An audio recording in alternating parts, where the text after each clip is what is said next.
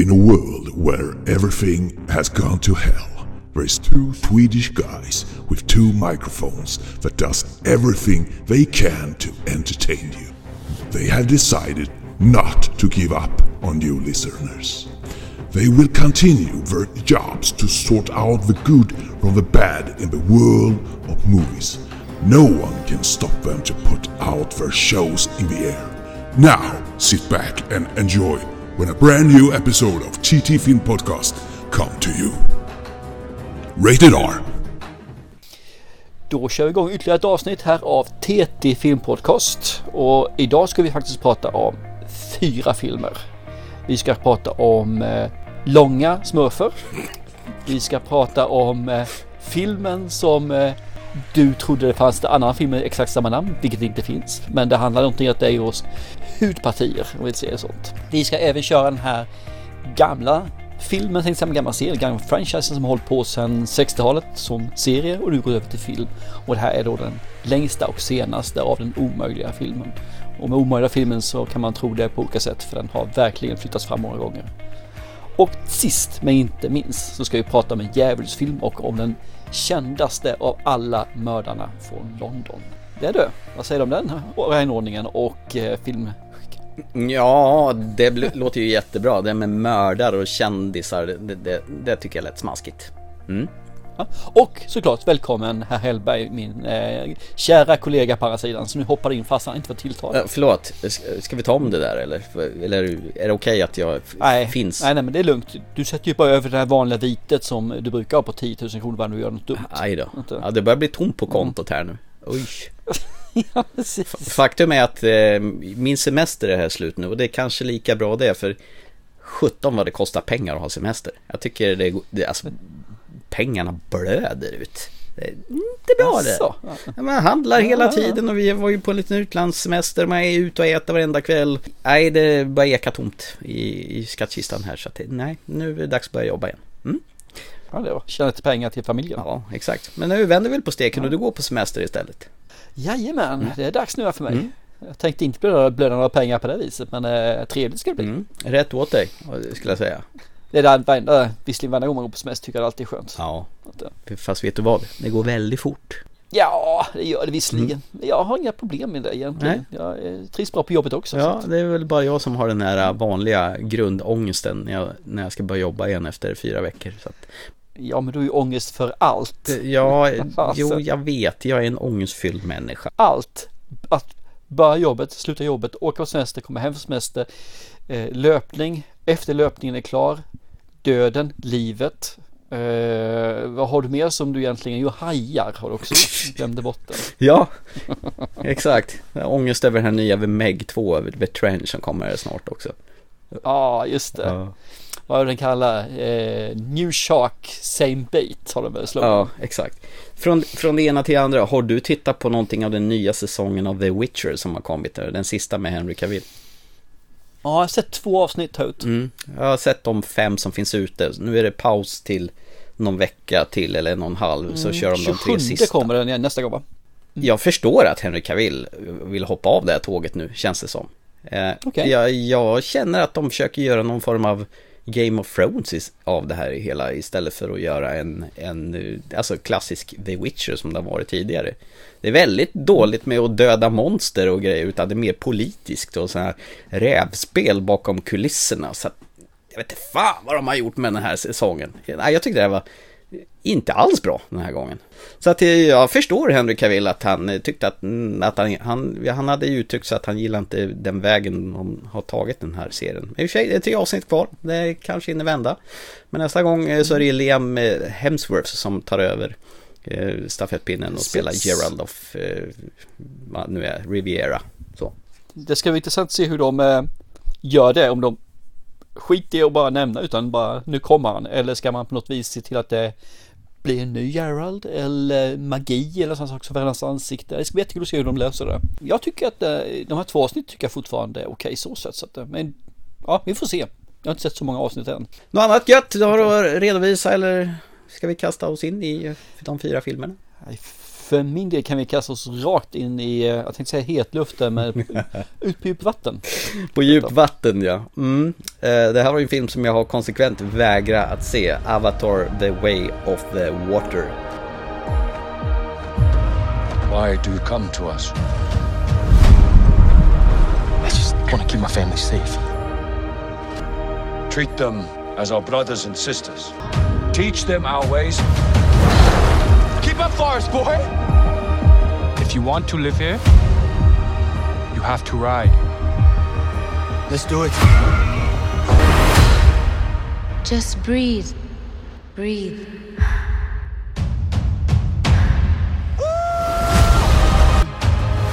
I see. I'm a warrior like you. I'm supposed to fight. Protect the people. Let's get it done. Avatar, The Way of Water. Det är ju rätt kul som sagt var. Du vägrade se den här så jag sa det att okej, okay, du har tagit andra filmen som jag vägrade se. Mm. Så jag tar den här istället så slipper du se den. För du har ju sagt aldrig, aldrig, aldrig, aldrig. Och så nu var vi så på bio nu sist och sa jag har ju sett den. Ja. Jag såg den i alla fall. Ja, ja. Vad fasen hade jag kunnat skita i den när jag kunde sett den själv. Jag ja. vill ju inte se den här. Men, men nu har jag sett den och det är, det är en helt annan sak. Tre timmar och tolv minuter. Avatar, James Cameron. Flykten från skogen till vattnet. Eh, grejen är det att jag tror det är 13 år sedan han gjorde den förra filmen. Så det har ju tagit sin lilla tid innan eh, den här mm. uppföljaren. Plus, det kommer ju en hel skrälldus med Avatar-filmer. Det ska väl komma med några års mellanrum. Ja, och det roliga är att han gjorde både tvåan och trean filmas ju samtidigt visst. Så de är ju färdiginspelade, så det är ju post-production på nästa. Men eh, de mm. andra, nummer fyra och fem, är, under filmning vad jag har förstått. Så det verkar som man gör dem just två åt gången. Jag vet inte varför han gör på det viset, men jag antar att det finns något för att få en kontinuitet i det eller så här. Jo, vad jag förstår så Avatar 3 kommer 2025, den är post production. Och 4 kommer 2029 och Avatar 5 kommer 2031. Det känns ju liksom ja. så jävla avlägset. Ja, det är det, men det, det här är nog hans legacy. Ja. Det är hans eh, eftermäle till, till till nästa generation om man säger så. För han kommer ju vara över 70 år när han är, han är över 70 nu förresten ja. så han kommer ju vara ännu längre upp. Det är väl lite som Ridley Scott här, han, han är ju börjar närma sig döden så han lär väl hamna där också innan det här är klart. Kanske blir några pandemier emellan där också som gör så att det flyttas fram, man vet ju aldrig. Eh, eftersom du har sett den så kan du gärna få dra vad den handlar om. Jaha, okej, okay, vad trevligt. Eh, jag skulle ju inte ha sett den här. Ja, ja, i alla fall. Eh, det handlar om Jake Sully från första filmen. Han har ju bott i skogen. Han har skaffat familj tillsammans med sin den här infödingskvinnan som han kärade ner sig i förra filmen och de har fått barn. Och han, han ligger där på den här månen Pandora där. Sen helt plötsligt så, ja, så kommer den här superskurken tillbaka i någon form. Han dog i förra filmen, den här skurken som, mm. som, som hatar Sally för att han tyckte att han svek honom eh, och gick emot honom. Men nu är han tillbaka i någon form av en avatar han också. Så han har, han har en sån här helikopterplatta på huvudet, sån här stubbator. Så man, så man ser ju att det är den här elaka bad guyen, vad fan han nu hette. Quaritch. Quaritch ja, som spelas av Steven Lang. Det är väl han den blinde fan i Don't Breathe va? Är det inte det? Mm. Ja. Just det. Och han är, han är fortfarande jättearg och han kommer där med sina styrkor och ska infiltrera. Och, och han vill inget annat än att ha ihjäl eh, Sally. Kosta vad det kosta vill. Han gör en attack mot Sally och hans familj i den här skogsvärlden där. Så att för att skydda de här blåsmurferna i skogen så tar han sitt pick och pack med familjen och flyr och eh, tyr sig till en annan eh, avatarras som, som lever i, i vatten istället. Och de är mer gröna än blåa. Eh, och han söker fristad där med sin familj och eh, naturligtvis så kommer ju superelakingen Quaritch efter med sitt anhang. Eh, jätteavancerad handling, men jag tror inte det är svårare än så. Det gjorde det mer avancerat än vad det behövde vara känner jag, men eh, okej. Okay, ah, förlåt. Mm. Nej, det är lugnt. Det är, det är bara liksom, första filmen är ju Pocahontas och smurferna blandat och den här är ungefär samma sak. Så att den går rätt snabbt att förklara känner jag. Vet vad som slog mig med den här filmen? Att eh, eh, Sam Worthington som spelar eh, Jake då, Jake Sully. Han har ju sån här narrativ, han har ju berättarröst. är det så jävla nödvändigt av honom att sitta där och liksom berätta vad som händer? För jag menar, man har ju två ögon att se på, det är ju ingen komplicerad handling. Men det var, det var ju uppenbarligen så i första filmen också, att man hörde hans berättarröst. Snacka om onödigt, tycker jag. Eller vad säger du? Jag håller med, det ger ingenting. Sen kan jag nog förstå varför det ska bli en, en saga. Ska det bli ju. Och en saga kräver ju att det är någon som berättar lite grann också. Så det är väl därför kan jag tänka mig att de vill ha in honom där. Eh, för jag tror han berättar sagan om den här familjen och vissa personer då, hur de är. Jag vet inte vad slutet nu blir för någonting. Jag antar att det är det de är ute efter i alla fall. En liten fråga bara. Nu var det faktiskt skitlänge sedan jag såg den här första filmen och jag har bara sett den en enda gång. Och nog fan låg de i någon sån här kapslar för att kunna flytta sina mänskliga jag till den här Pandora och, och, leva som sina avatarer. Gör han det även i den här filmen, Jake? Han eh, tar ju steget ut, så han är ju förkroppsligat.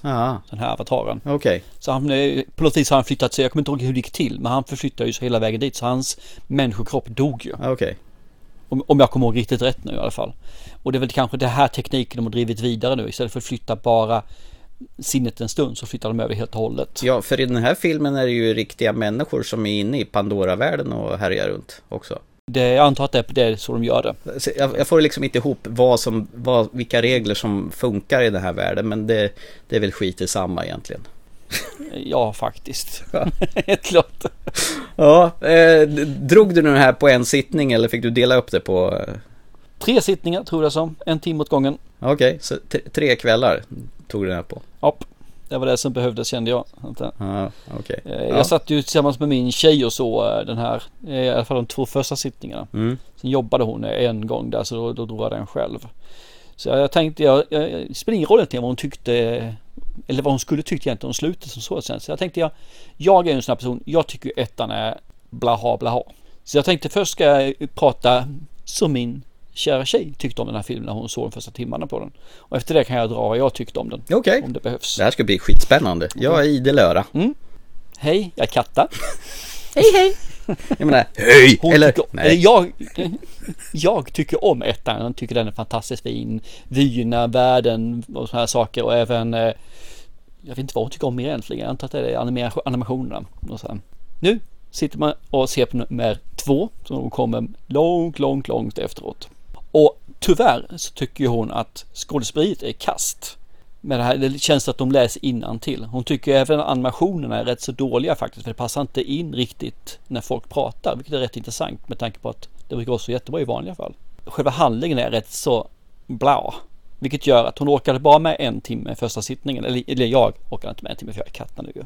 Eh, sittning två så anser hon att nej, nej, jag tycker om ettan. Nej, jag klarar inte av den här tvåan. Alltså det, det, det nej, nej, är det enda jag hör från henne. Då kan vi ju glömma bort Katta. Hon har ju då jublat ur ettan och hon dissar nummer två.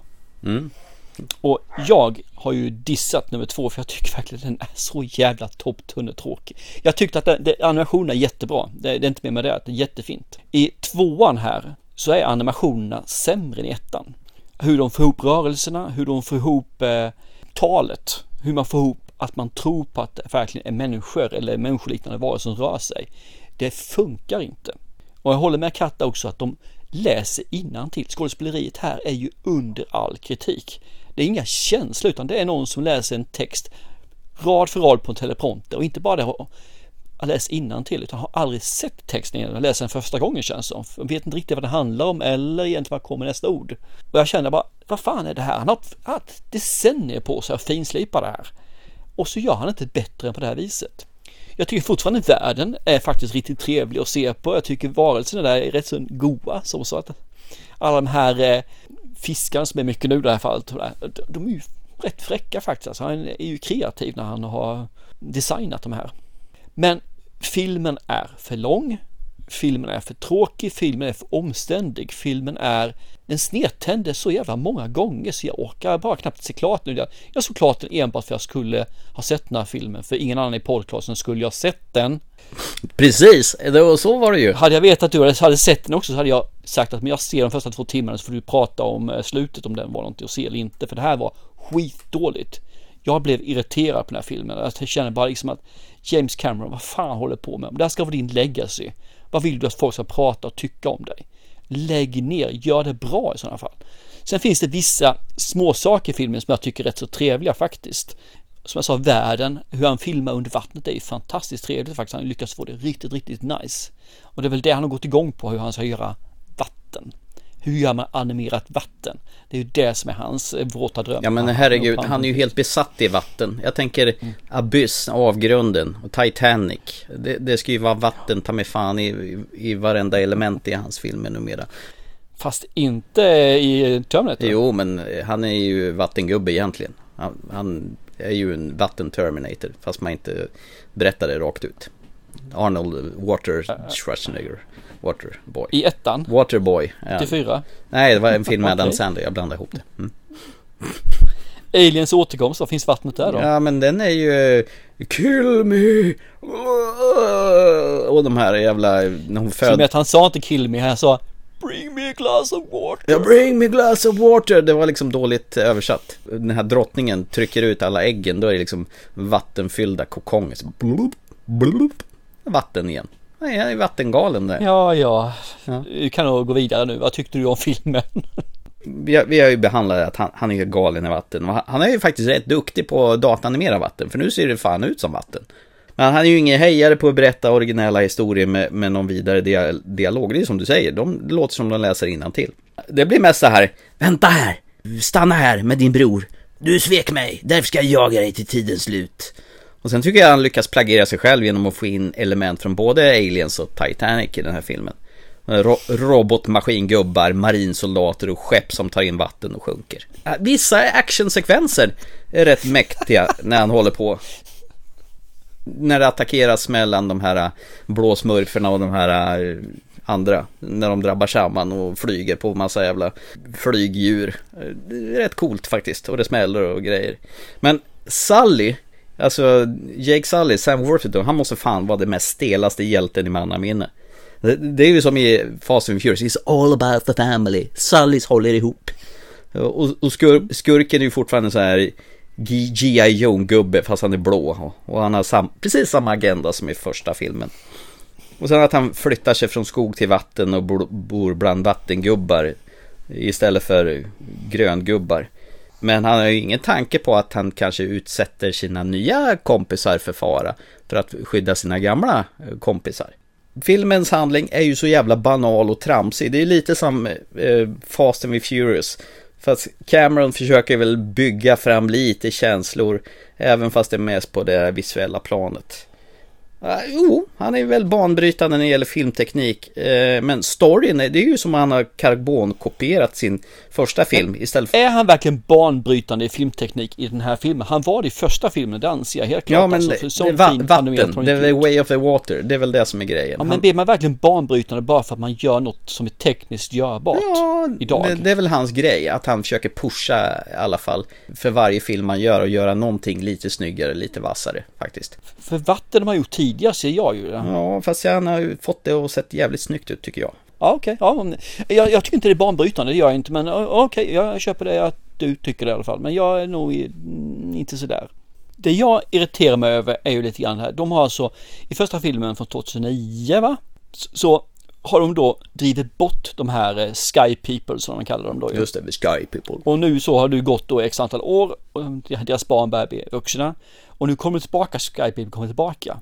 Det är inte så att de landar med en gång så att de attackerar dem och driver bort dem med en gång. Nej, de låter dem få fotfäste ett helt jävla år och bygga massa järnvägar och stora städer och försvarsanläggningar. Varför drev man inte bort dem med en gång? Fasen, har man drivit bort dem en gång så ska man driva bort dem en gång till. De är nyanlända har inte något till svar överhuvudtaget. Det, det blir jag så bara, va? Va? Fast så hade inte filmen blivit tre timmar och tolv minuter. Nej, vilket kan jag säga hade varit jävligt bra tycker ja, jag. För den här filmen behöver inte vara tre timmar och tolv minuter. Den hade räckt att vara en och en halv på sin höjd. Ja, jag håller med fullständigt. Ja. det, det, var, det var som du säger, den är, det var som med första filmen. Den är snygg att se på och jag måste upprepa mig själv från vad jag sa när jag såg första Avatar. Det är som att äta en Big Mac och Company och är som att mätt som fan och efter ett tag mår man illa. Och det är, det är likadant med den här jävla filmen. Den är fin att se på men innehållet är ju lika tomt som Woho! En, en tom eh, kasse när man har packat upp matvarorna och det finns ingenting kvar. Ja, vi är överens där verkar det så, för det här är inte bra. Det här är absolut inte bra. Nej, fy fan vilken jävla smörja. Och jag fattar inte varför han är så jävla kåt på de här blåa smurferna. Nej, det, jag tror det här är hans, som sagt, för hans eftermäle som jag har sagt tidigare. Det enda det handlar om. Han, han ser någonting här som inte jag gör. Nej, inte jag heller. Och det verkar ju som att tittar man på det så är det ju Folk är ju antingen på ja-sidan eller på nej-sidan och jag är då på nej-sidan. Men ser man då på IMDB så har jag ändå fått 7,6. Jag fattar vilket inte jag det tror där. enbart är för att det är James Cameron vi pratar om. Det är bara därför. Och det är 432 000 som har röstat på IMDB. Så enligt den så har vi fel ju, men eh, nej, jag, jag, tror att det här är... Ge det här ett halvår så det är knappt någon som kommer ihåg det längre. Det, det, det handlar ju om precis samma sak som i första filmen. It's all about the family. Det roliga är när Avatar-loggan kommer på slutet så här, för det var ju samma sak som i första filmen. I första filmen var den grön, skogsavatar. Nu var den blå avatar. Och vad blir nästa gång? Det blir en röd då, för då ska det brinna alltså. Det blir, blir röda avatargubbar då som springer runt då, eller vad, vad är tanken? Det är också en sån här sak som jag blir så här lite fundersam över. De snackar om att de ska åka till en annan klan. Och, och för mig är en klan, då är det en annan familj. Här är det då en annan klan, en helt annan ras. Alltså det här är, det är inte så att det är någon som är som vi europeer och så har vi då afrikaner som är mörkhyade. Nej, de här har helt andra fysiska attribut. De har alltså en svans som är platt som används för simma. De har simhud mellan fingrarna. De har underarmar på något vis som ser ut som krabbornas kloarmar om man säger så. Jag bara känner, va? Det där är ingen ny förbaskad klan. Det är en helt annan ras för bövelen. Jag köper inte det. Jag blir bara irriterad på sådana små saker, givetvis är det där, men det, när en små sak radar upp sig till att bli runt 3-4 kvarter lång, då börjar jag bli lite mätt på en film alltså. Fruktansvärt mätt. Så jag, jag lovar och svär, jag kommer inte se nästa Avatar-film. Jag lovar. Yeah right. det, ditt ord är liksom värt vatten. Uh, way of the water. För, för du sa att den här Avatar skulle du aldrig se, du skulle aldrig mer se en Marvel-film. Nej. Hmm, ja, just det. Det är många saker du sagt att du inte ska se. Mm. Fasen tar Thomas, du är lika betrodd som en politiker. Jag kommer inte i alla fall se eh, Oppenheimer i alla fall, bara så du vet. Tack!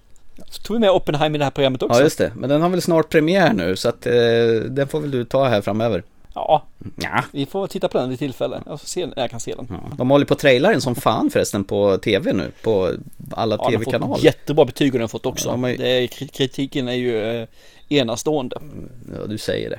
Ja, ja, det är vad jag läst och hört. Som sagt vad de säger liksom att eh, skådespelarprestationerna är suveräna, handlingen är bra, vad heter det, explosionerna och effekterna är suveräna och det kan ju veta när man säger om Christopher Nolan så har han ju minimalistisk när det gäller CGI. Han avskyr CGI. Mm. Ja men det är bra, det, det kan jag ge honom. Det är jättekul att se hur de gör de här atomexplosionerna utan CGI. Så menar han, han är raka motsatsen till James Cameron med andra ord. Mm, typ.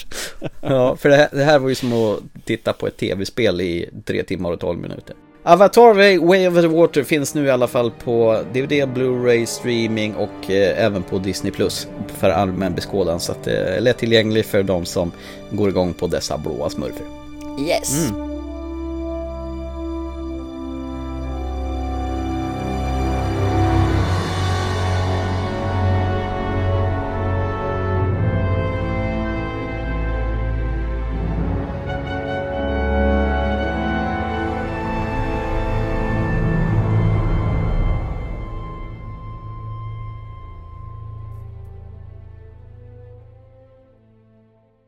Nu ska vi gå ner till en liten mindre film här. Ja, det här är ju en indiefilm utan dess like, helt klart. Ja, det, det, det, kan man säga. Vi blev kontaktade för en, en stund sedan av en kvinna som heter Lydia Kubinek som är producent för ett litet filmbolag som heter Five Lip Films. Eh, och hon tyckte mm. att vi skulle titta på en film eh, som hon har varit med och producerat som heter Under the Skin. Nej, förlåt. Under My Skin. Under the Skin är filmen med eh, Scarlett Johansson som du gillar. Ja, jag tyckte inte den var så bra som du gjorde. Ja, men äh, jag tycker om Scarlett ja. Ja, just det. Från 2014. Så att den här är inte att förväxla med den här. Utan eh, 2020 kom eh, den här filmen. Och, eh, ja, och det är väl klart som tusan att när det är lite mindre independent-filmer så varför inte? Vi tittade på Under My Skin. No, I'm not hitting on you. I, I just, you, you had a friendly face, and I, honestly, I will. This one? Yeah, that one. It's very friendly from across the way. now I'm here, I'm a little scared. You're a pretty girl with a pretty voice. I just wanted some fun songs, not a no makeup, hair not done. I just, I don't. I don't fucking fit in this box. I don't fit in this body. Say something. Am I your box? Turn around. Turn around. Turn around. No, I'm serious. Face. You know I can still hear you. How was I supposed to tell you? How? Play me that um that song that you were working on forever. You know the one that you wouldn't play for me.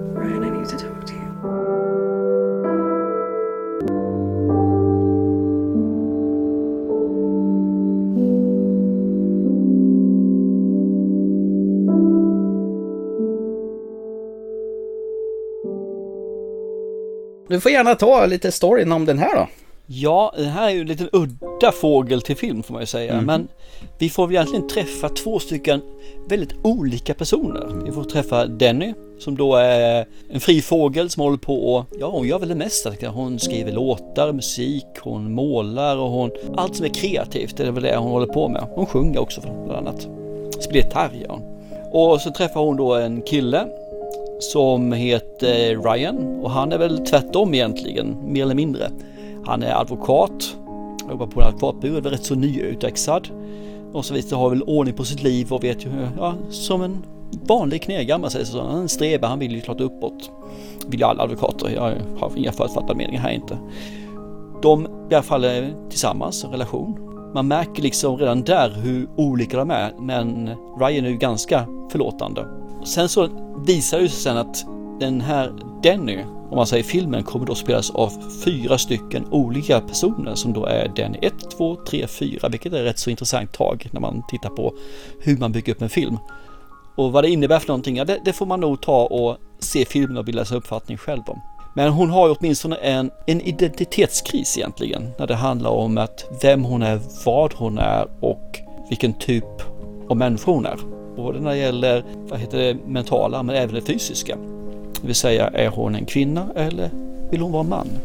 Och det är ju rätt jobbigt när man inte berättar det då för sin respektive, Ryan i det här fallet, så blir det ju lite kontroverser. Det kan bli lite knepigt. Så det här är egentligen den resan, deras förhållande men framförallt då Dennis liv framåt och det får man uppleva på lite olika sätt.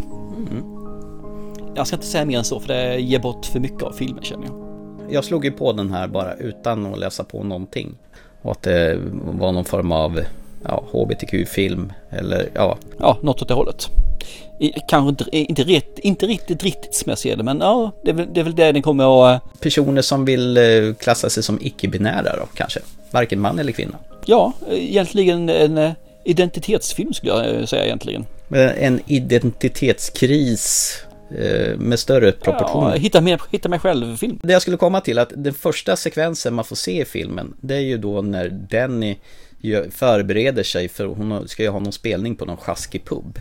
Och står framför mm. spegeln och, och makear upp sig och sådär. Och då ser man henne först i spegeln och sen går hon, böjer hon sig ner och sen helt plötsligt ser hon en annan tjej. Och sen helt plötsligt böjer hon sig ner och så kommer en tredje tjej.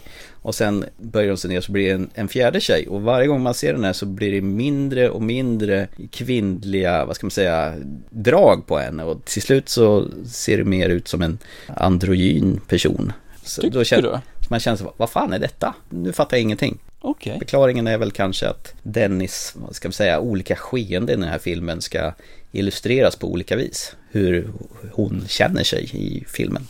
Ja, så tolkar inte jag det, men eh, du har säkert rätt. Jag tolkar inte alls så, utan jag såg inte att de var mer androgyna som du säger, utan eh, jag ser det mer att det var eh, fyra olika kvinnors, hur de ser ut. Mm som sådant. Men att det var androgynt och tänkte att det var den transformationen. Ja, okej. Okay. Ja, det, det, var min tolkning i alla fall. Ja, men jag säger inte att det är fel. Nej. Jag säger bara att det var inte min tolkning på det. Utan det ja.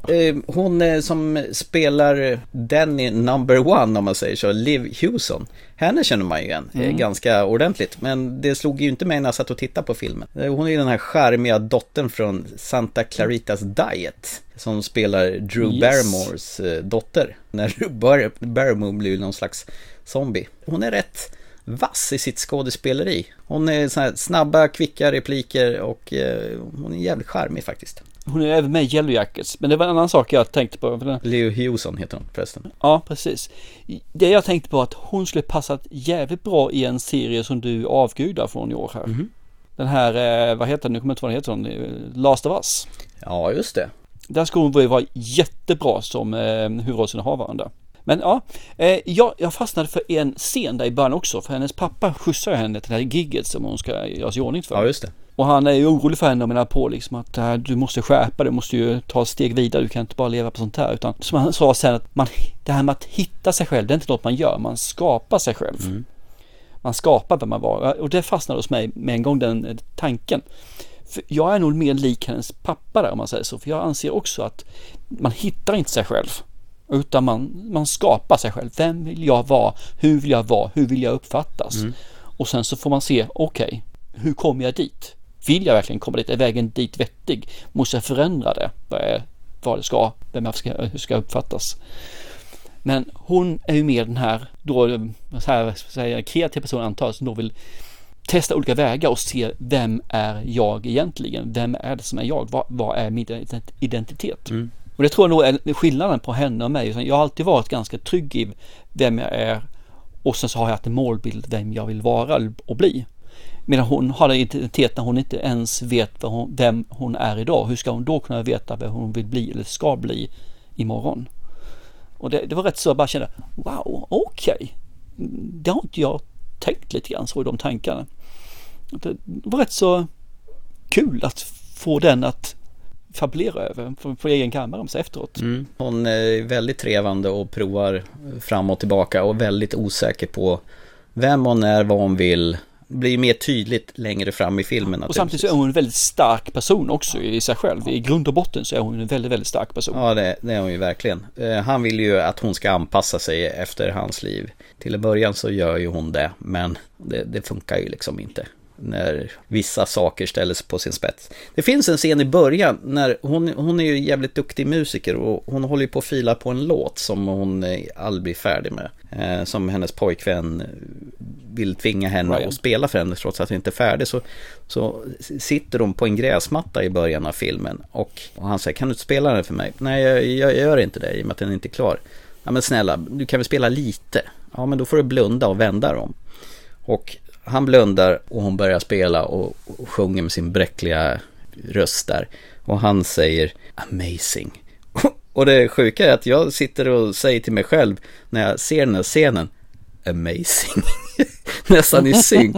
Så att fan, den scenen tyckte jag var jättefin faktiskt. Det, det gick jag igång på. Fan vad bra det var det är ju rätt kul att se just för att de har ju en, en kärlek med varandra som du säger Denny och Ryan, mm. han pojkvän då ju. Mm. Och han är ju väldigt, väldigt förstående i mångt och mycket samtidigt som han inte förstår. Men han verkligen är ju mjuk, följsam, flexibel i sitt beteende. Men samtidigt så är han bara där med kanske en och en halv fot. Så det finns alltid en liten bit utanför för det kan han ju aldrig någonsin förstå. Nej. För, han, för det första vet han ju inte om det och för det andra så tror jag inte han kan få en bild av det för han är så långt ifrån det som det går mer eller mindre mm. alltså. Ja, han klänger ju sig fast att de är det här traditionella pojke-kvinna-paret och det är så det ska vara. Och verkligen försöker slå upp det och uppenbara att Danny känner något helt annat. Ja, fast han vet inte om det tycker jag heller. Hon är ganska förtegen med hur hon känner. Att, eh. Men det är väl det, att hon, hon tycker väl det är så jävla jobbigt. Hon har ju tänkt på det här under en längre tid och sen har svårt att säga det högt ut. Kom i någon liten sekvens där som hon verkligen håller på att gå sönder bara för att outa vad hon har, eh, känner. Hon är ju en jättebra skådespelare, det får man ju säga liksom, eh, Liv Hefson. Ja, herregud. Det är de övriga tre också. Eh, och de spelar ju... Absolut, ja. De, de spelar ju på olika sätt. Eh, det är ett jävligt ballsy drag där och köra en karaktär med fyra olika skådespelare. Jag, jag tror det är liksom en känslo berg och dalbana här som de försöker visualisera. Jag, fan, jag blev helt jävla tagen av den här filmen. Jag tycker det, den var fin. Ja, jag tyckte också om den här filmen gjorde jag. Helt klart alltså. Sen tror jag man får ta och lämna över tolkningen till varför det är fyra karaktärer till den som ser. Ja. För jag tror att det, det är nog lite grann hur man upplever det Ja, själv. så är det ju nog. Det är ju liksom för varje beskådares eh, sätt att och fundera ut på varför. Annorlunda sätt att visualisera en film på. jätteannorlunda sådär. Så jag, jag tyckte om det sättet just när det är en sån här typ av film. Mm. Jag tror det passar bättre i den här typen av film än det skulle göra i en, eh, i en A-produktion. Om man säger så. Mm. För skulle den här göras i Hollywood, ja, stora skådespelare då, så tror jag att det skulle bli pannkaka av det faktiskt. Nej, de här verkligen går ju på en fin skör tråd. Det är humor, det är värme, det är väldigt mycket sorg, hopplöst mellan varven. Ändå så mm. tycker jag de lyckas balansera det här på en väldigt fin skör tråd ja, den blir inte grå, eh, mörkgrå om vi säger så, dyster, utan den är fortfarande med själ och hjärta som är fortfarande lite feelgood samtidigt som det berör ett väldigt, väldigt tungt ämne på ett eh, allvarligt sätt. Högaktuellt ämne som aldrig kommer bli inaktuellt. Nej, den här filmen slog också an en sträng hos mig alltså. Mm. En sträng. Ja. Eh, så, så kände liksom att wow, jag, jag kom rakt in i filmen. Jag kände liksom att jag kunde bli ett med de här personerna, både med Danny och även Ryan i det här fallet också. För det, hon är ju inte ensam faktiskt i den här, den här eh, vägen framåt, den här kampen, den här känslostormen, för han är ju med där också, fast då som en bystander som har sin egen vortex på grund av det som hände Danny. Ja, jag tyckte han var skitbra. Jag är ju väldigt svag för indiefilmer och det här är en, ja, det är en av de bättre jag sett i alla fall nu på väldigt lång tid suveränt bra film. Eh, så att man får tacka Lydia Kubinek som eh, tipsade om deras film och, tyckte att vi skulle prata om den här i, i podden då helt enkelt. För filmen finns numera släppt nu i Norden och den finns på Apple TV och beskåda. Så är ni sugna på att se den här så sök på Under My Skin så finns den där och eh, kika på Apple TV. Ja. Och, och gör det, definitivt. Den här är värd det här. Alltså, vill ni se ett högaktuellt ämne som porträtteras i en film på ett väldigt fint och underbart sätt egentligen. Då är den här värd det. Det här är en riktigt fin film att sitta sig ner och bara njuta av en och en halv timme ish någonstans där. Det är fan de inte tråkigt någonstans i den här filmen utan är hela tiden engagerande och jag tror det kan vara just det som om de ändrar figurerna så blir de ju samma, samma karaktär men ändå inte. I, I like it. Det, det, var jävligt nice det här. Jag var överraskad. Glatt överraskad. Ja, det var en liten pralin. Mycket, mycket fin pralin.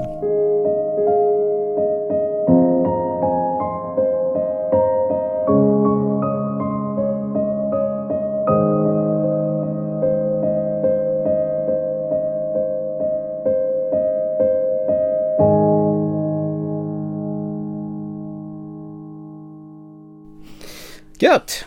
Ska vi då lämna under My Skin och gå till eh, en stor svulstig film som blev försenad och eh, kostade en sju helvetes massa pengar på grund av också att covid eh, gjorde att den här filmen blev typ två år försenad. Den här handlingen har jag svårt faktiskt att berätta om så du får gärna ta den. Vi har varit på bio och sett den nya installationen i den framgångsrika franchisen som numera Tom Cruise rattar envåldshärskare tillsammans med regissören Christopher, eh, vad fan heter han? McQuarrie heter han. Som numera får, har rattat de tre eller fyra senaste Mission Impossible-filmerna. Jag tror det är sen Rogue Nation. Så att det är hans nya kollaboratör. Mission Impossible Dead Reckoning Part 1. Our lives are the sum of our choices. And we cannot escape the past. Ethan, this mission of yours is gonna cost you dearly.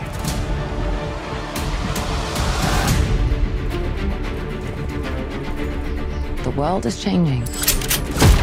Truth is vanishing. War is coming. It's been a long time, friend. You've no idea the power I represent. It knows your story and how it ends. Listen to me. The world's coming after you. His fate is written. Shall we write yours too? If anything happens to them, there's no place that I won't go to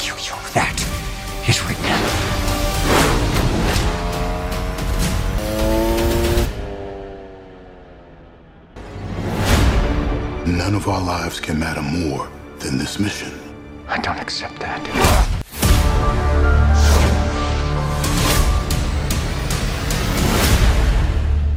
Eh, grejen är att den här filmen är två timmar och 43 minuter. Den är ju uppdelad i två. Så att det här är ju del ett av det hela. Det handlar ju förstås om Ethan Hunt och hans IMF-team som eh, måste leta reda på ett farligt vapen innan det faller i fel händer. Inget konstigare än så. I det här fallet är det en nyckel som är uppdelad i två. Som eh, finns på en eh, atomubåt initiellt. Eh, atomubåten, det första man får se i sekvensen det är att eh, bli drabbad av ett hot. En annan atomubåt som är på väg att skjuta den här åt helskotta. Så de här eh, ryska gubbarna de eh, blir ju skitstressade och ska försöka försvara sig och sen försvinner den där ubåten som har attackerat dem. Och de har ju redan dragit iväg en missil som själva ubåten är försvunnen och missilen går tillbaka och spränger dem åt helvete så att eh, ubåten hamnar på botten.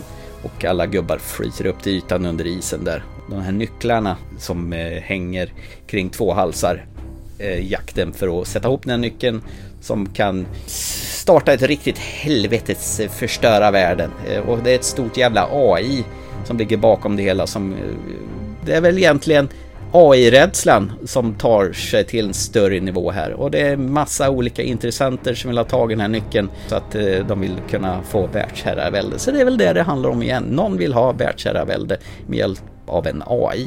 Så jag uppfattar i alla fall filmens handling. Bra. Det är väldigt utmålat för att vara en liten jävla grej. För det kallas ju McGuffin. I det här fallet är det nyckel. Det är, nummer tre var vi The Rabbits Foot. Och det fick man ju aldrig riktigt reda på vad det egentligen var The Rabbits Foot. Någon liten detalj som egentligen det här teamet ska jaga rätt på. Och filmen är ju full med eh, coola set pieces i vanlig ordning. Eh, när vi gick ut från den här filmen så det kändes som att du var allt annat än nöjd med eh, Tom Cruise senaste installation. Var fick du det ifrån? Ja, du, du väste bara, fy fan jävla skit, dåliga effekter, helvete. Och green screen hit och dit och aj för fan, det handlar ingenting. Och, oj, oj. Så att du, du lät märkbart irriterad när vi gick ut från filmen som har fått 8,1 av 10 på IMDB. Ja. Ja. Det säger ju ingenting egentligen. Nej, jag var väl inte jätteexalterad över den här filmen får man ju säga. Man säger sen, när man tittar på en Mission Impossible-film mm. så tycker jag den ska innehålla vissa saker. Ja. Det ska finnas en viss humor, absolut ska finnas det. Eh, det finns två typer av humor. Det ena är ju då som sagt vad du har Simon Pegg-humorn som är ju ganska slapstick. Och så har vi de andra som är mer vokabulär och Tom Cruise som är fysisk kan man säga då. Samtidigt som man har lite vokabulär också givetvis. Sen har vi nästa att det ska vara mycket effekt givetvis. Men det ska också vara en hel del planerande om man ska göra det här lite sofistikerat, just det med maskerna och hur de ska gå tillväga för att göra vissa saker. Det finns allt med där ju. Så att de sen då ska genomföra detta med vissa umbärande, för det är alltid någonting som ska gå åt skogen såklart ju för att de ska kunna gå i mål med det. Och det ska vara de här, återigen, Tom Cruise ska göra någonting som är utöver det vanliga, alltid något som stegrar. Behövs inte egentligen, men det, det är någonting som Tom Cruise har sagt som en mall, i alla fall de senaste filmerna, att han gör någonting som då ska vara wow-faktor. Som det här med kniven, att han hade de hugger med full kraft, har byggt en vajer som håller den så den inte ska kunna nå han bara någon millimeter från ögat och så vidare. Och så vidare då. I den här filmen, för det första, så är den då 2,20 lång. Nej, 2,43. Ja, 2,40 menar jag, 40. 2,40 lång precis. Mm. Vilket är ju Jesus, kom igen.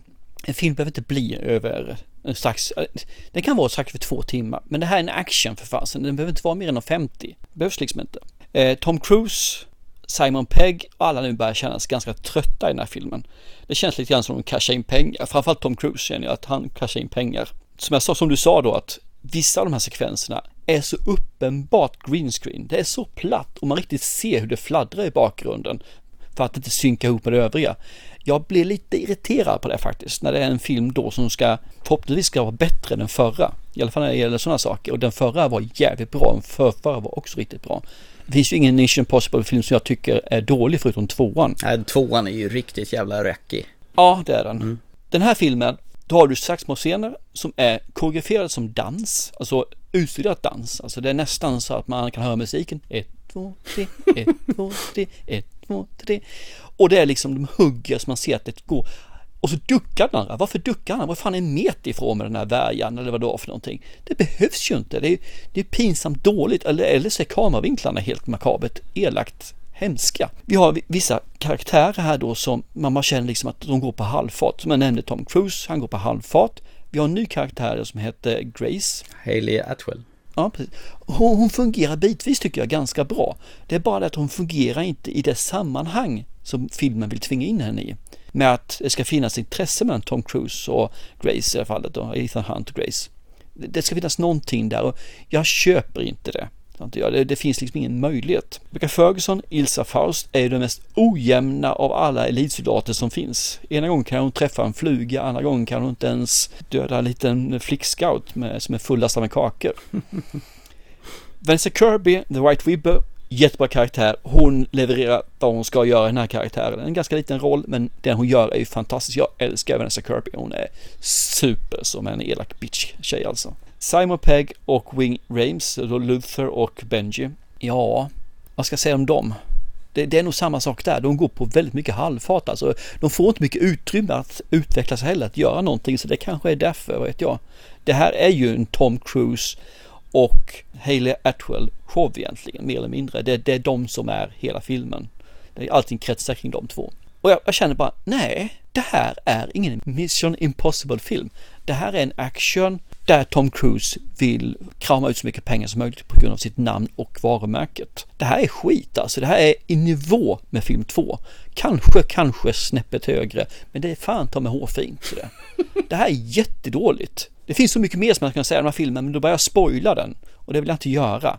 Så det här med 8,1 på IMDB, då går vi tillbaka till det här igen som vi sagt. Vissa får upphausade betyg bara för att det är dem. Den här får upphausade betyg bara för att det är Tom Cruise. För Tom Cruise gör ju aldrig en dålig film.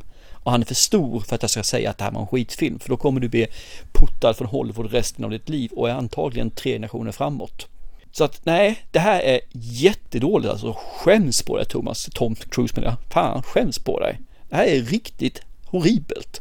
Hatar filmjäveln. Nej, det gör jag inte. Men den är jättedålig den alltså. Det här är inte värt nästan tre timmar av mitt liv. Det är nästan så jag hade mer nytta av Nej, det hade jag inte. Äh, va? Jag tänkte säga Avatar, men nej. Oj, oj, oj, oj, oj, oj, oj, oj. Ja, den, den, är fin. Men eh, vad, gillar du inte hon då? Paris hon, den där blonda henchman-tjejen som eh, verkar och springer. Ja, men hon är en bra henchman det är hon. Eh, Pom Klemtiffel heter hon Ja, precis. Ja, jo, men jag tycker om henne, ja, ja, definitivt. Men hon är, det är så liten del som hon syns alltså mot vad jag tycker att hon skulle få plats. I de andra filmerna så får ju verkligen the bad guy plats. Mm. Men den, den, stora bad guyen Gabriel då, eh, som de har planterat som Tom Cruise har något förflutet med. Har jag missat någonting eller är det någonting de har hittat på bara att han har eh, varit clinch med den här skurken i tidigare filmer? Det ska väl vara det här från eh, första filmen antar jag. Det är en som blir dödad där bakom en grind i alla fall, kommer jag ihåg en tjej där. Så att jag antar att det är därifrån. Men jag läste någonstans ihåg. att de försökte sig på att göra en sån här de-aging-grej, ungefär som de gjorde med Indiana ja. Jones i den första, men de skrotade den idén. Ja, för de tänkte göra en hel sån här eh, post-scen, om man säger så. Ja. så här, först ser man gör i eh, James Bond eller i Indiana Jones-filmerna med just den här scenen, men de fick ju inte till det på ett bra sätt. Det, därför blev det ju en minimalistisk variant av det istället. Men eh, Gabriel, tyckte du han var bra? Jag tyckte han var lite blek, var han inte det? Ja, var, var lite, jätteblek är han ju. Det vill säga att det här är ju en show som är just Tom Cruise-showen med Haley Hailey Atwell. Det är de som står för alltihopa. De andra får inte plats. Och, och jag känner bara att, vad, vad är det här? Varför? Nej, det funkar inte hos mig. Det blir jättedumt. Usch, fy. Du ska försöka vara tyst här så du ska få väga upp lite grann. Känslan jag fick var att du tyckte det här var rätt okej. Okay. Jag kan säga så här, vi hade ju med min lillson Isak och han var ju tvärnöjd när jag gick ut från bion på det här. Han tyckte det här var riktigt nice. Han längtade redan till eh, Dead Reckoning Part 2 som kommer nästa sommar. Jag kan säga, om jag ska börja med det positiva, det är att det jag gillar med de här Mission Impossible-filmerna, det behöver inte rusas på hela jävla tiden. Det kan vara ett gäng lugna passager mellan de här eh, olika action set pieces som alltid tillhör de här nu, filmerna. Nu måste jag hindra, nu måste jag stoppa det där i alla fall Thomas. Aha. Menar du att det fanns vissa sekvenser i den här filmen där de tog det lugnt och verkligen eh, ja. hämtade andan? Ja, herregud, det gör de ju på massa olika ställen av den här filmen. Tycker jag. Wow, Det- jag fick inte den känslan alls. Nej. Jag kände mer som att det var eh, en liten passage för nästa actionscen. För jag fick det här mer som Six Underground-känsla. Nej, nej, nej, nej, nej, nej, nej, det kan du inte ens jämföra med. Däremot så tog det 28 minuter in i filmen innan Mission Impossible-temat och förtexterna kom. Den var ganska långt in i filmen, tänkte du på det? Det är ju sånt där som de kör med hela tiden nu tycker jag. Att det ska komma sent. Det är någon så här klatschig grej. Alla kör ju det mer eller mindre nu. Det är ju ett omtalat stunt i den här filmen som de har, det ser man ju i trailern och det har de ju promotat som fan. Det är det här sjuka stuntet när de är- har byggt upp en ramp i Norge där han hoppar ut för ett stup med motorcykel. Eh, han övade tydligen sjukt många gånger på det där innan de filmade det där och han var inte nöjd med med resultatet förrän han har hoppat ner för det där stupet med, mellan 12-13 gånger. Jävla mycket motorcyklar den lär ha sabbat på, på, på den taken. Ja, absolut. Och där ser man faktiskt, det är ju en ramp han åker upp på och sen har man ju fixat med en liten halvtaskig CGI som det här berget ska föreställa när han åker. Det, det kan jag hålla med om att det, det ser lite tråkigt ut. Det jag gillar med den här filmen som man inte har sett tidigare, det är att Ethan Hunt, han ser fan lite rädd ut under vissa sekvenser. De åker ju runt i en liten ful Fiat. Eh, Jag tycker det faktiskt var en rätt cool, eh, och ändå är det i Rom de åker runt med den här lilla gula bilen. En rätt skön biljakt. Han knappt kan köra bilen. Det tyckte jag var lite kul. Och han ser genuint rädd ut. Det är kanske för att visa att karaktären inte ska vara helt jävla omänsklig och övermänsklig och att han är lite sårbar i alla fall. Och jag, jag tycker ändå att man försöker bygga lite karaktärer så att man ska känna för de här med mellan Simon Pegg och Benji Dunn och, och han har ju något band med Ilsa Faust där. Och det är ju som i alla filmer, it's all about the family här också. Det blir lite långrandigt med den här nyckeln som byter plats i en jävla massa fickor fram och tillbaka och alla försöker lura alla. Lite överdos där. Cruise, han ser lite tröttare ut och åldern smyger sig på. Och det känns som att han har tagit lite hjälp med lite plastic fantastic i hans ansikte för han är oerhört slät. Men han ser, i vissa sekvenser ser han jävligt svullen ut i ansiktet. Jag, jag vet inte fan vad, vad som händer där. Men ändå, han, han har ju fyllt 60 år gubben och han gör alltihopa själv. Han gör varenda jävla scen. Han springer, han hoppar, han eh, springer på eh, tågtak, hoppar ut för stup. Och han envisas fortfarande att göra sin egna stunts. Och jag tycker faktiskt att det här känns fortfarande som en Mission Impossible-film. Till skillnad från den här otroligt trötta Indiana Jones-filmen som, som jag var såg här om veckan på bio. Eh, å, å andra sidan så skiljer vi sig 20 år mellan Tom Cruise och Harrison Ford. Tom Cruise är 60 och Harrison Ford är 80. Men nu hotar ju Tom Cruise med att han ska fortsätta göra filmer, Mission Impossible, till han är 80. Karn kommer ju ta ihjäl sig själv när han ska göra någon jävla galen stund förr eller senare. Det är väl bara en tidsfråga. Det är en part one-film det här. Det verkar vara något fenomen som verkar bli allt vanligare. Jag tror det var Harry Potter 7 som började med det här. Och sen var det Twilight och nu var det Fast X som smällde till med en tre delars final. Som sagt, lite tjatigt med den här nyckeln som håller på att byta plats och alla vill ha tag i den där. Men som vanligt, galna stunts, snygga actionsekvenser. Jag tycker bra skådisar och jag tycker det gör det till en helt klart sevärd Mission Impossible-film. Fast det är långt ifrån det bästa i serien. Mm. Somnar du där i andra änden nu eller?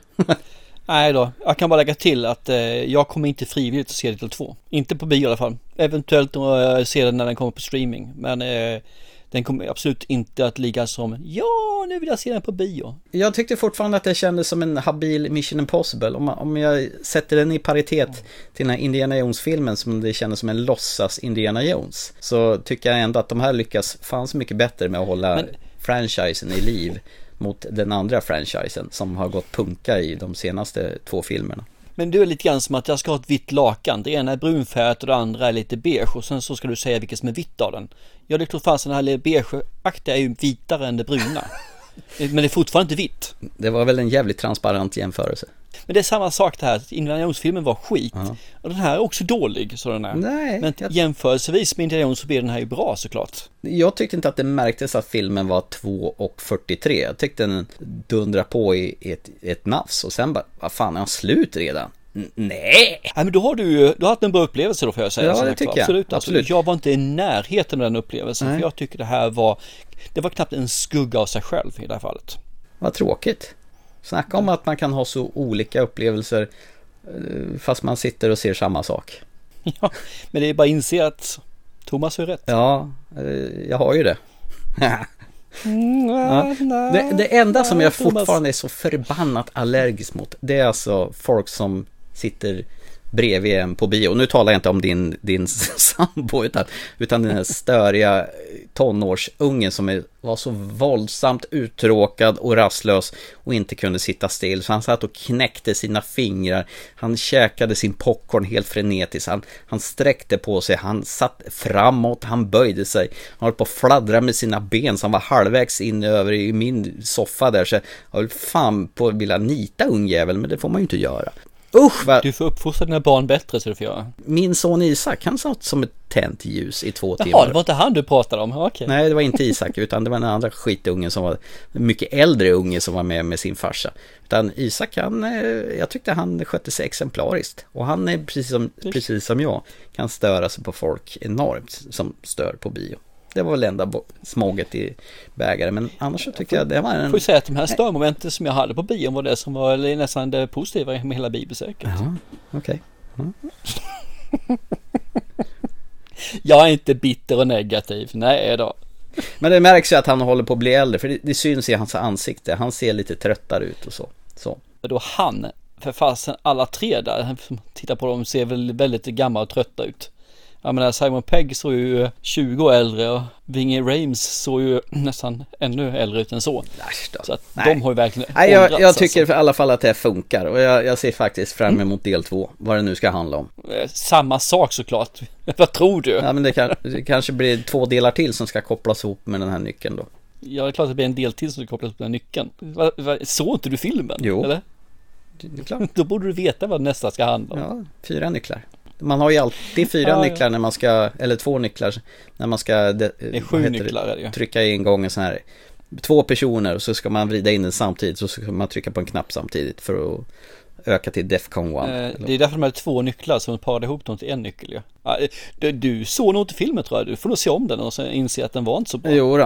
Eh, det var en grej som jag bara retar mig lite grann på. Att det verkar som Tom Cruise måste gilla att spela tv-spel eller någonting. För att de hade snott en sekvens ur eh, Uncharted, det här Sony tv-spelet. Jag tänker inte nämna vad det är, men det var, det var ganska plagierat. Även ifall sekvensen var jävligt cool så kändes det som att nu, nu, är, det, nu, är, det, nu är det stöld här. Mm. Mm. Okej, okay, okej. Okay. Nej, men det var ju kul att vi är totalt oense om eh, Mission Impossible Dead Reckoning. Men den rullar i alla fall eh, Part 1 på bio sen eh, någon vecka tillbaka och ja, den lär nog gå några stora framgångar. Och förhoppningsvis peta ner Indiana Jones från ett, första platsen på Box Office. Oh my god. Audiences and critics can't believe what they're seeing. Tom Cruise has outdone himself with a 99% on Rotten Tomatoes. Yes! Mission Impossible Dead Reckoning is filled with holy shit moments. What is happening? This is why we go to the movies. Oh, I like her. It's pulse pounding. It will rock your world with jaw dropping action this where we run? Go, go, go, go! Probably. It's one of the best action movies ever made. What more can I say? See it in the biggest, most seat-shaking theater you can find. It will take your breath away. Ethan, did you make it? Are you okay? Mission Impossible Dead Reckoning. Tickets on sale now. Nej men eh, ska vi lämna eh, Tom Cruise och hans eh, MI6-gäng och eh, gå till kvällens sista punkt då. Och det här var ju den du skickade med som en specialpunkt. Det vill säga Återtiteln Filmer från förr som vi nu ser med äldre ögon. Och den här gången var det min tur att välja och jag valde filmen From Hell med Johnny Depp och Heather Graham i titelrollerna. Hello, sir. I believe this was done by someone with a working knowledge of dissection. He can foresee the victims. He could sense the suspects. This is ritual. But but for the inspector in charge of the world's most infamous investigation. Inspector, someone told me you claim to dream the answer. That's preposterous. Where is he? One mystery There is most definitely a message here. will lead him to a truth he never imagined. You are suspended from duty. I want him. From Hell is truly chilling. An engrossing, stylish thriller. Johnny Depp. Heather Graham. Jack the Ripper's not finished. From Hell. One day, men will look back and say that I gave birth to the 20th century. Den här hade du sett tidigare för annars hade vi inte kunnat varit en återtiteln gissar jag på. Precis. Jag har sett den en gång. Har jag gjort. Mm. Och det är två bröder, Albert Hughes och Alan Hughes som har regisserat den här tillsammans. Och eh, Johnny Depp han spelar ju en, eh, vad är han? Han är en polisinspektör, Frederick Eberline som han eh, drar väl i sig lite opium och skit för att få inre syner för att kunna leta reda på seriemördare. Ja, inte bara va. Han får väl syna drömmar i alla fall. Men Mm. det är väl, han har väl en fäbless för det här lite opium ja. Mm. Absolut. Och andra gifter också för den delen. Ja. Ska vi göra som vi alltid brukar göra? Vad var intrycket när du såg den här första gången då? Och när såg du den? Och eh, var det typ på hyrvideo, bio eller hur kom du i kontakt med Ska vi ta en synopsis lite grann vad det handlar om först innan vi går på in på det? Det kan vi göra. Kör den du då.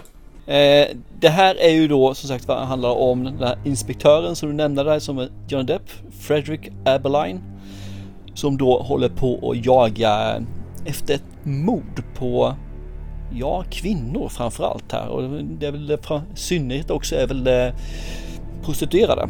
Och det här är då på 1888-talet, 1888 in, in, det utspelar sig. Och givetvis är ju mördaren som han eh, letar och försöker få fälld är ju den notoriskt ökände Jack the Ripper. Och här får vi då följa hans väg genom morden och vidare fram och hans syner som du säger för att se vem som blir nästa byte tänkte jag säga, men den här rapporten offer. Och då kunna lista ut vem är det egentligen som är Jack the Ripper och ja, framförallt en del vill ju ha han till en, eh, vad heter det, butcher, vad är det för någon, slaktare. Mm. Och andra vill ha han till något annat och tredje och han vill kanske ha den fjärde. Så vem är det och vad är det och kommer han hitta den? I verkligheten så hittar de givetvis inte Jack Ripper, han gick ju lös. Men filmens värld så kan vi kanske få andra lösningar. Mm-mm. Det är väl kort vad eh, filmen handlar om. Ja, Whitechapel. Prostituerade blir mulade på löpande band. Och Heather Graham, en ovanligt snygg och sympatisk prostituerad kvinna. Precis. Jag tycker de alla, alla var sympatiska där mer eller mindre i alla fall. Alltså, hon, alltså, alltså hon ser mer ut som en girl next door än en sleten prostituerad kan jag tycka. hon är ju väldigt söt så hon är. Var tog hon vägen förresten? Det är inte ofta man ser Heather Graham i filmer numera. Jag tror hon gör lite smått och gott bara och sen så lite serie. Sist jag kommer ihåg henne som var väl med i Pestens tid, den miniserien där. Ja, du menar den nyinspelade varianten som... Den nyinspelade, hon var med i ett avsnitt där tror jag bara, men att eh, hon, där jag kommer ihåg den i alla fall. Okej, ska vi backa nu då till eh, känslan från förr? När, var och hur och varför? Eh, ganska länge sedan, det här var nog före vi startade podden i alla fall, så säg att det var kanske 2009, 10 någonstans jag såg den här. Eh, det var faktiskt en rekommendation från dig. Och eh, blev jättefast i den här filmen, jag kände själva uppbyggnaden och eh, känslan av att man var tillbaka på sent 1800-tal var där alltså. Och det här var väl samtidigt, han gjorde väl den här Hollow, vad heter det? Ja, ja, Sleepy Hollow. Det är nog snarlik karaktär, fast lite mera skoj, skojfriskig. Precis, lite over the top. Mm. Mer skräck än vad den här är. Mm.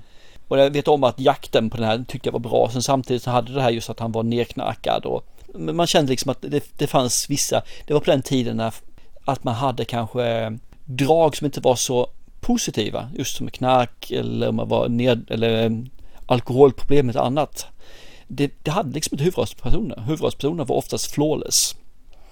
Men den här personen var det inte. Och sen kommer jag ihåg att det var ganska gojsiga scener, vilket jag nu när jag såg filmen inte tyckte alls var så mycket gojs, men då tyckte det var jag kommer ihåg i alla fall. Mm. Och att det var ett jävligt rafflande slut sen efter också. Vem det var och varför och hur det gick till som sagt var. Så att det var det, jag hade en väldigt bra vibbar från den här filmen jag hade sett den första gången och det var det jag har burit med mig till att se den gång nummer två. Mm, jag hoppas att inte att det blev en kommando av den här nu då ja. Jag är lite som du där. Eh, jag fick den här på rekommendation av min eh, kamrat Per som älskar den här filmen över allt annat. Han var helt fascinerad av, över Jack Ripper. Det fanns ju även någon sån här tvådelars tv-serie med Michael Caine där han jagade Jack Ripper som brer ut det hela lite grann. Som, som bygger lite på samma tema. Jag tror det, den slutar på samma vis också som den här också. Att den har samma teori, vem Jack the Ripper var. Eh, också svinbra, fast den verkar i princip omöjlig att få tag i. Jag säger som du att jag hade för mig att det var riktigt jävla grisiga scener i den här, men eh, inte riktigt längre. Eh, man kanske har blivit härdad, trubbad, men eller också, ja, jag vet inte. Inte riktigt lika våldsam som jag kommer ihåg den. Eh, så idag då, om man eh, flyttar fram eh, massa år då till eh, Thomas Sönros anno 50 år med äldre ögon. Hur landar den för dig nu då? Jag tycker fortfarande scenerierna är bra. Jag tycker karaktären är rätt så trevliga. Den som däremot växer fram här det är ju sergeanten här, Robbie Coltrane. Ja, alltså Hagrid från Harry Potter. Precis. Han växer ju upp som en, faktiskt en större karaktär i den här filmen än vad jag kommer ihåg att han var. Och riktigt, riktigt bra karaktär också. Eh, Heather Graham köper jag inte som prostituerad, precis som du sa. Hon är lite för söt, lite för, för eh, oskuldsfull för att ha tjänat pengar på prostitution i det här tillfället under den tiden hon verkar ha gjort det. Ja, hon skulle skita ner henne lite grann. Ja, hade nog mått bra av det, mm. definitivt. Sen har du Johnny Depp. Eh, jag tycker att han i det här fallet gör ju en som är en roll som är lite mer nedtonad än man brukar göra, eller i alla fall vad han är känd för. Mm. Ganska nice faktiskt att se han tillbaka i den här typen av roll där han inte behöver vara kapten eh, Rom eller vad han heter för någonting. Jack Sparrow.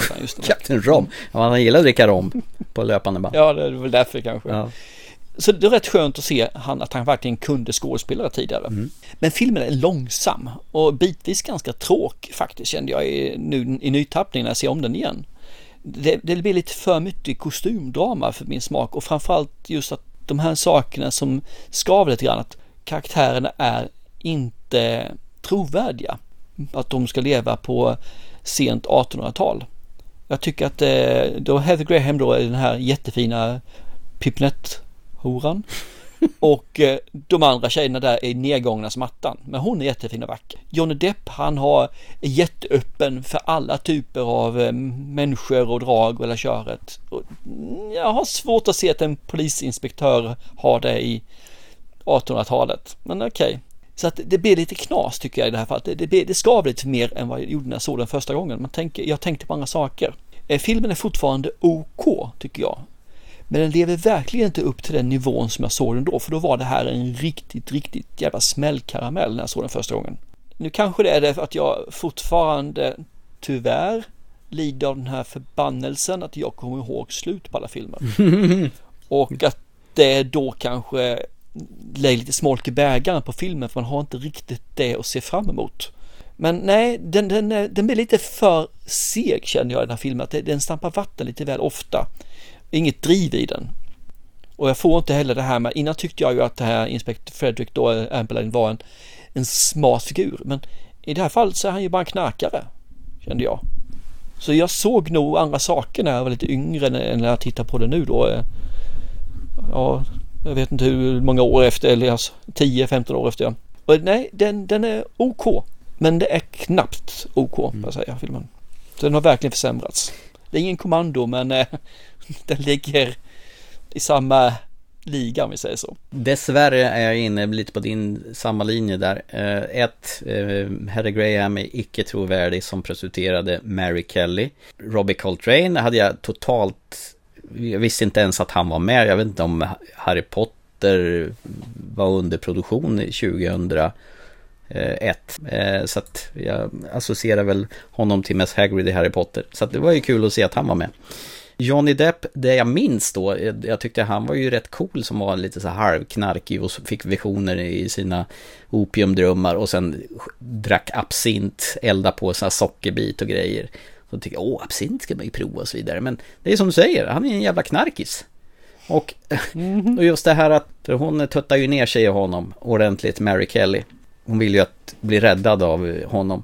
Men de ska göra sån här omöjligt svår grej att de aldrig ska kunna få varandra på slutet. Men det kändes så jävla forcerat. Då tyckte jag att ja, men det här är ju bra. Det är ju, det, de ska ju inte få varandra. Men det, det, det kändes så, på något vis så forcerat. Så att det stämde inte heller.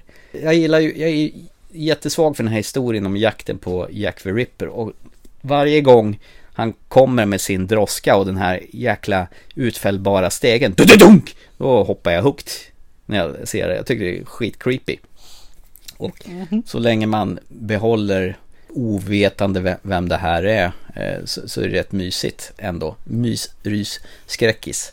Och set pieces är också, det är ju snyggt, det ser ut som London på 1800-talet och de har jobbat hårt med kulisser och grejer. Men eh, nej, den var inte alls lika ball som jag minns det. Så den här skulle man kanske ha låtit vara. Ja, men ibland är det ju tyvärr så ju. Att man ska låta saker och ting vara. Men det var ändå kul och jag, jag såg fram emot att se den. Mm. Ja, men, men det är som sagt inte dålig på något vis. Men den är inte alls så jäkla bra. Så jag, jag, tyck, jag höll ju den här jättehögt i mitt minne här. Men den eh, fick sjunka ett gäng snäpp neråt nu, dessvärre. Som sagt, det var en skön känsla att se fram emot att se den. Så att det inte höll, ja, det var ju tråkigt. Men så är det ju. Bummer!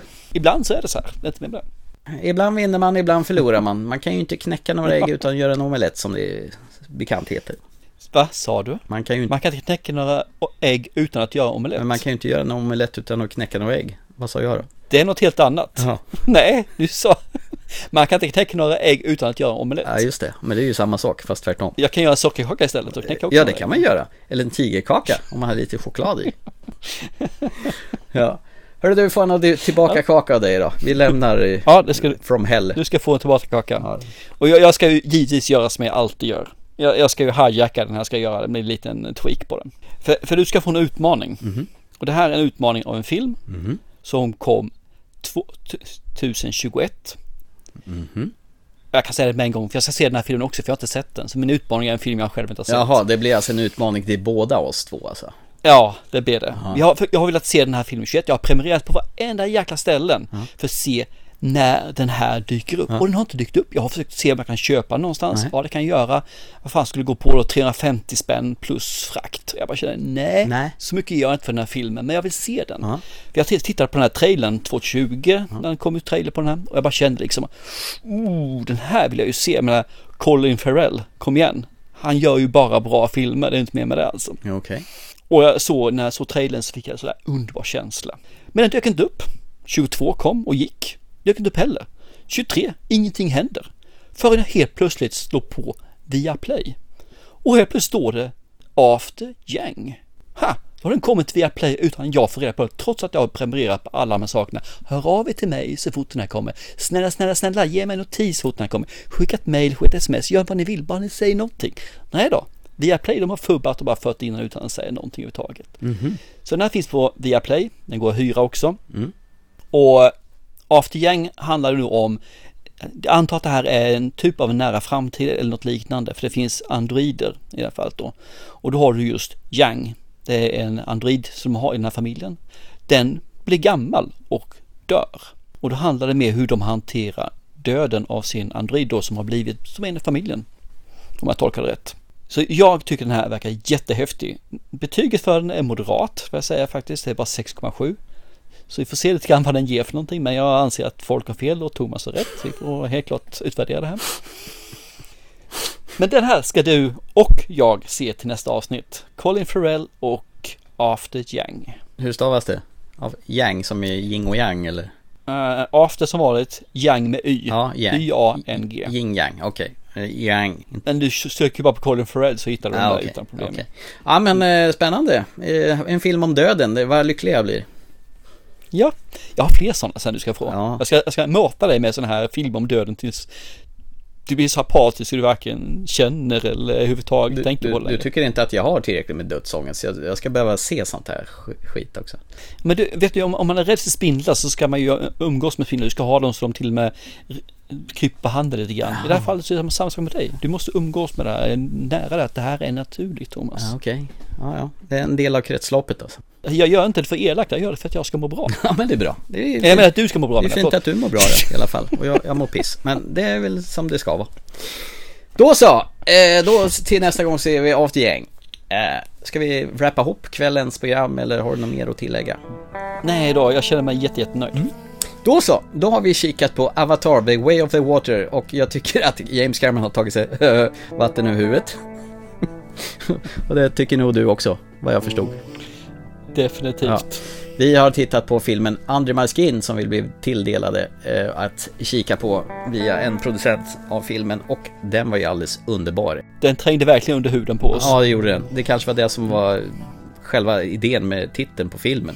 Att den ska krypa in under skinnet. Och det gjorde den verkligen. Rekommenderas till fulla muggar. Eh, Under My Skin finns att se på Apple TV. Vi har tittat på Mission Impossible Dead Reckoning Part 1 och där är vi så långt ifrån varandra så det bara går. Du tyckte den var skit och jag tyckte den var en helt okej okay Mission Impossible film. Och vi avslutade med From Hell och insåg att nej, dessvärre så höll inte Jack the Ripper-jakten från 2021 riktigt lika bra som vi såg den för en massa år sedan. Så kan det gå ibland. Men eh, nästa avsnitt ska vi se After Yang och den kommer ju vara 2021 års bästa film. Ja, eh, jaha, just det. Så kan det vara. Som Oppenheimer är 2023 års bästa film då. Du vet om att den här After Yang, mm. när vi sammanställer 2023 så är den här helt okej okay att ha med på listorna. Är den det? För det här är första gången vi kan se den, det är 2023. Ja, ah, du menar så ja, just det. Yes. Ja, det är när man kan se filmen som, som man kan eh, peta in den på rätt år. Det har ingenting att göra mm. när filmen är producerad. Precis. Mm. Så det hör ni nu alla viktig Petra där ute som ska tala om när filmerna ska höras till. På vilket år. Så 2023 års bästa film är en film på 21 kanske? Ja, du menar covid och skit kan ju komma emellan, eller hur? Men du, ja. det sparar vi till nästa avsnitt. Ja, det gör vi. Eh, så ni andra, ni går ju och kastar in er på Apple TV och kikar på Under My Skin och ser ett gäng andra filmer så hörs vi om ett par veckor igen. Det gör jag absolut. Chip chip. Hej då!